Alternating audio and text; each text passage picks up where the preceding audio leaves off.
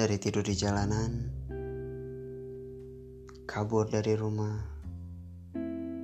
mendapat kekerasan fisik, sampai sakit sendiri tanpa ada yang urus. Setiap orang punya cerita kisah keluarganya masing-masing, terutama anak-anak broken home. Dan gua di sini akan bacakan kisah dari orang-orang yang kirim gua kisah mereka. Dan akan gua ulas kembali di podcast ini. Dan jika kalian juga punya cerita kisah broken home kalian, kalian bisa share sama gua, oke? Okay? Stay tune.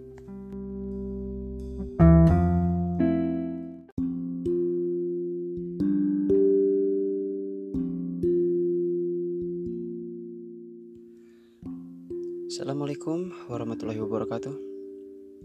Gimana kabarnya bro and sis di seluruh Indonesia? Akhirnya cerita yang ditunggu-tunggu episode pertama ini Datang juga salah satu pemuda yang mau berbagi kisah cerita broken home-nya di podcast ini. Thank you banget buat dia.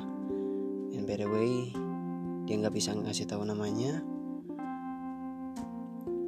tapi dia benar-benar punya cerita yang lumayan inspiratif menurut gue untuk kalian-kalian yang bahasa lagi berada di posisi yang sama akan bisa menjadi sebuah inspirasi buat kalian. Dia bilang sebutin aja nama gue Dimas. Tapi bukan itu namanya. Dan dia punya cerita yang lumayan benar-benar inspiratif. Oke, tanpa berlama-lama, simetriskan posisi rebahan kalian, dengarkan dengarkan dengan sejuk, and check it out.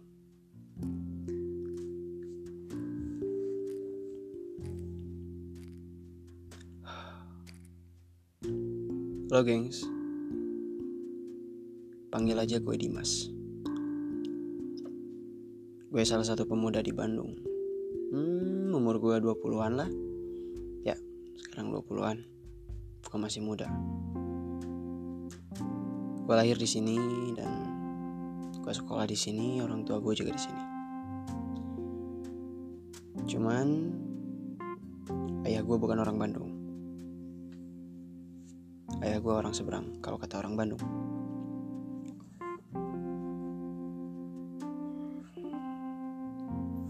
Gue rasa kisah yang gue alamin belakangan ini dan time lapse hidup gue ini bisa ngebantu kalian-kalian yang merasakan hal serupa sama gue dan gue yakin ba banyak di antara kalian yang serupa dengan gue oke? Okay? dimulai gue lahir di sini. Gue sekolah di salah satu SD negeri di kota Bandung. Ya lancar. Sekolah tua masih ada. Um, gue tinggal di bersama orang tua gue ya gue tumbuh berkembang layaknya anak-anak SD yang lainnya. Um, sedikit normal sih. Gak terlalu nakal dan gak terlalu pendiam. Normal lah kalau di bangku kalau di bangku kelas tuh gue tengah-tengah. Gak di belakang banget gak di depan banget gak pinter gak bodoh. Ya netral terus masuk gua ke kelas 5 kelas 6 dan ya gue beberapa kali dapat ranking. Karena gue yang kadang-kadang rajin kerjain tugas dari guru-guru. Dan jarang juga yang membuat onar di sekolah. Sejak SD gue benar-benar suka banget yang namanya futsal. Olahraga adalah salah satu pelajaran yang paling gue bikin gue semangat lah di sekolah um, dan gue belum kenal cinta sih waktu itu. Yang gue kenal cuman permainan-permainan pada zamannya. Game stick lah cing jibe cing kucingan main bola pakai bola plastik ya bla bla seperti lainnya. Dan cerita dimulai saat gue naik ke SMP perpisahan SD gue lumayan seru. Ibu gue yang sosialisasi dengan ibu-ibu sekolah dan bapak gue yang datang pas perpisahan sekolah ya lumayan indah lah. Gue seneng banget saat itu. Walaupun gue nggak dapet ranking di kelas 6 SD tapi gue menyelesaikan UN dengan netral standar gak gak kecil gak besar juga nilainya. Tapi gue bisa bisa masuklah ke salah satu SMP negeri kayaknya di kota Bandung dengan mengandalkan um, zonasi seperti itulah. Dan cerita pahitnya dimulai saat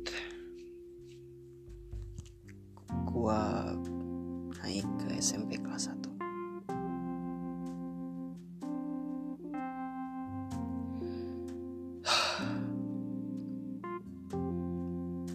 bisa sih gue oh, ini benar-benar sedih banget sih menurut gue ini benar-benar bikin gue terpukul. Ya lu bayangin aja di di umur gue yang segitu di kelas 1 SMP gue harus ngalamin hal yang kayak gitu di depan mata gue dan di depan mata adik gue itu momen yang paling anjing sih emang. Semenjak kelas 6 SD orang tua sudah mulai bertengkar. Karena mereka sedikit masih ada rasa belum puas dengan masa mudanya. Karena gue lahir dari orang tua yang nikah muda. Ibu gue yang gak terlalu tua dan ayah gue yang masih agak muda lah. Dan mereka masih ya bisa dikatakan sedikit labil mendapatkan emosi atau masalah yang besar secara mendadak. Dimulai dari ya kelas 6 SD mereka sudah mulai sering bertengkar di dalam rumah di depan mata gua dan adik gua. By the way adik gua cowok juga. Dia beda 4 tahun sama gua.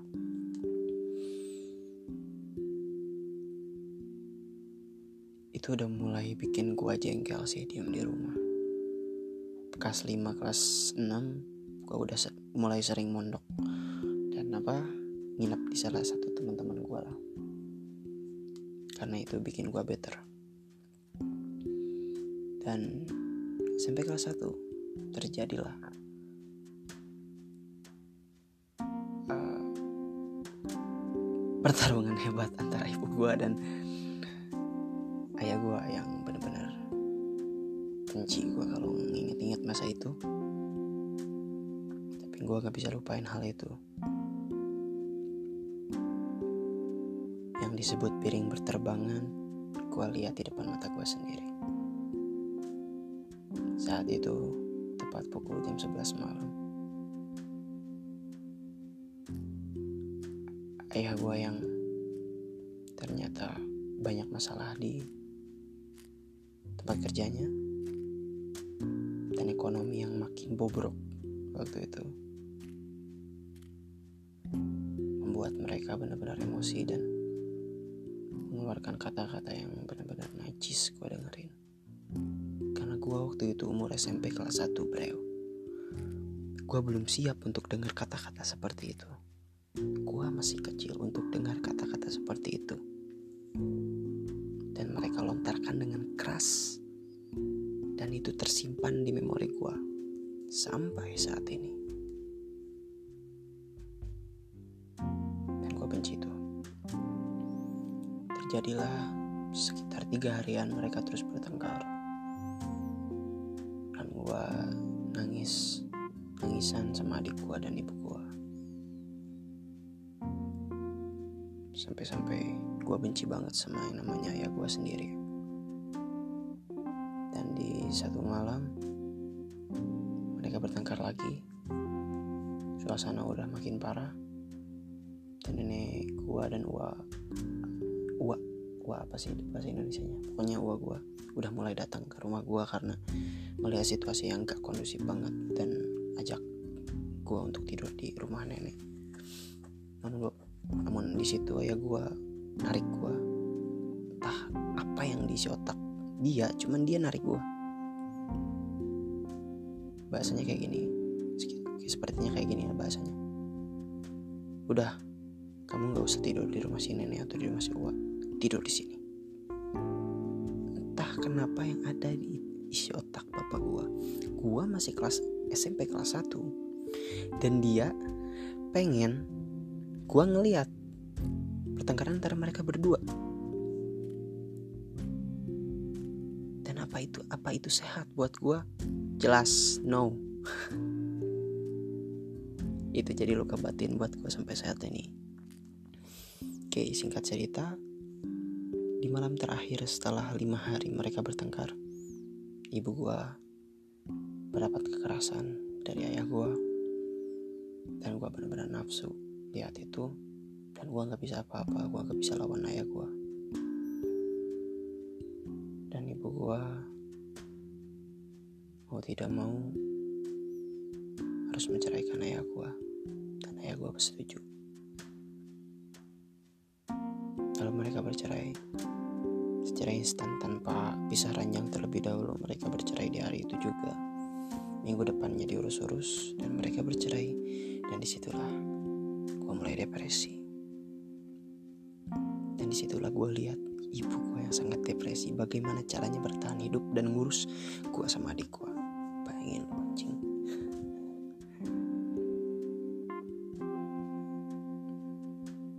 Namun ibu gue yang yang masih muda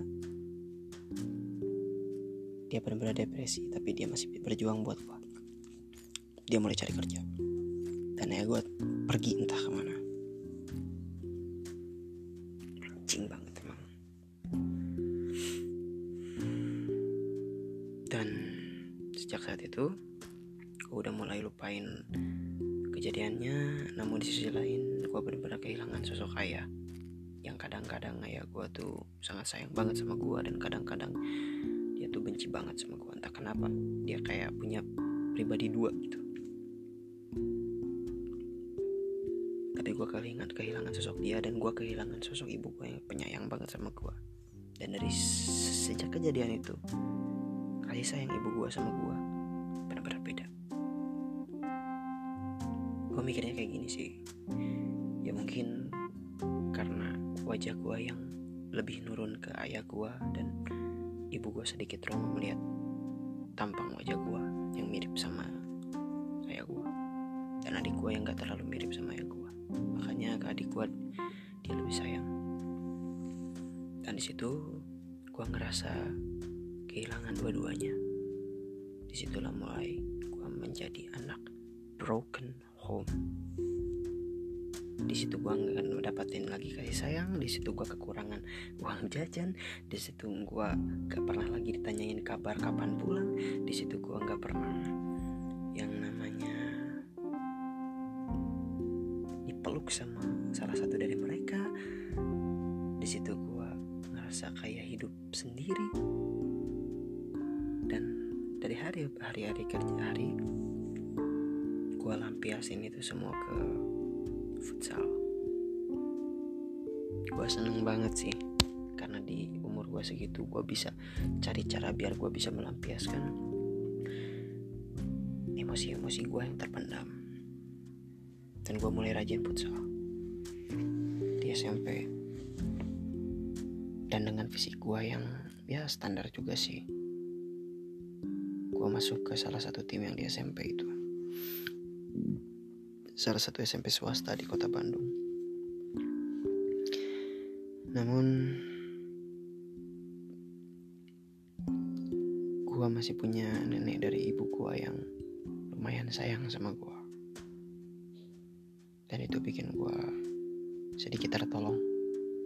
Dan nenek gue ngerti nenek gue memberikan apa yang gue rindukan singkat cerita SMP gue laluin dan gue naik ke SMP ke SMA kelas 1 dan dan lagi-lagi gue netral gak terlalu pintar dan gak terlalu bodoh. Gue naik dengan name yang standar juga. Karena gue lebih fokus di futsal. Di SMP gue berkali-kali tanding futsal. Dan gue dikenal sebagai orang yang arogan saat di lapangan. Atau gue istilahnya nafsuan lah. Gue sering banget berantem di lapangan ataupun di SMP mungkin itu yang terjadi secara otomatis sama gue karena banyak banget emosi yang terpendam sejak SMP kelas 1 dan gue jadi orang yang berani untuk berantem berani untuk keras sama orang lain. Walaupun demikian teman-teman gue respect sama gue dan menghargai apa yang gue punya apa skill yang gue punya. Dan jika kalian belum bisa ngebayangin gue ciri-ciri gue sejak SMP kelas 3 rambut gue hitam ikal alis gue agak tebal dan gue putih. Ya lumayan putih lah. Turun dari ayah gue yang orang seberang. Dan ya gue bisa dikatakan sedikit lumayan ganteng lah. Sehingga zaman SMP gue sudah mulai yang namanya pacaran. Begitulah ya seperti SMP lainnya. Cuman untuk di rezeki percewean gue lancar. Lancar banget. Tanpa gue ngejar-ngejar cewek cewek selalu ada buat gue pas di zaman SMP itu. Masuk ke zaman SMA kelas 1 ibu gue masih makin gak stabil. Dan ibu gue memutuskan untuk nikah lagi dengan ayah baru yang mau gak mau harus jadi ayah baru gue dan di situ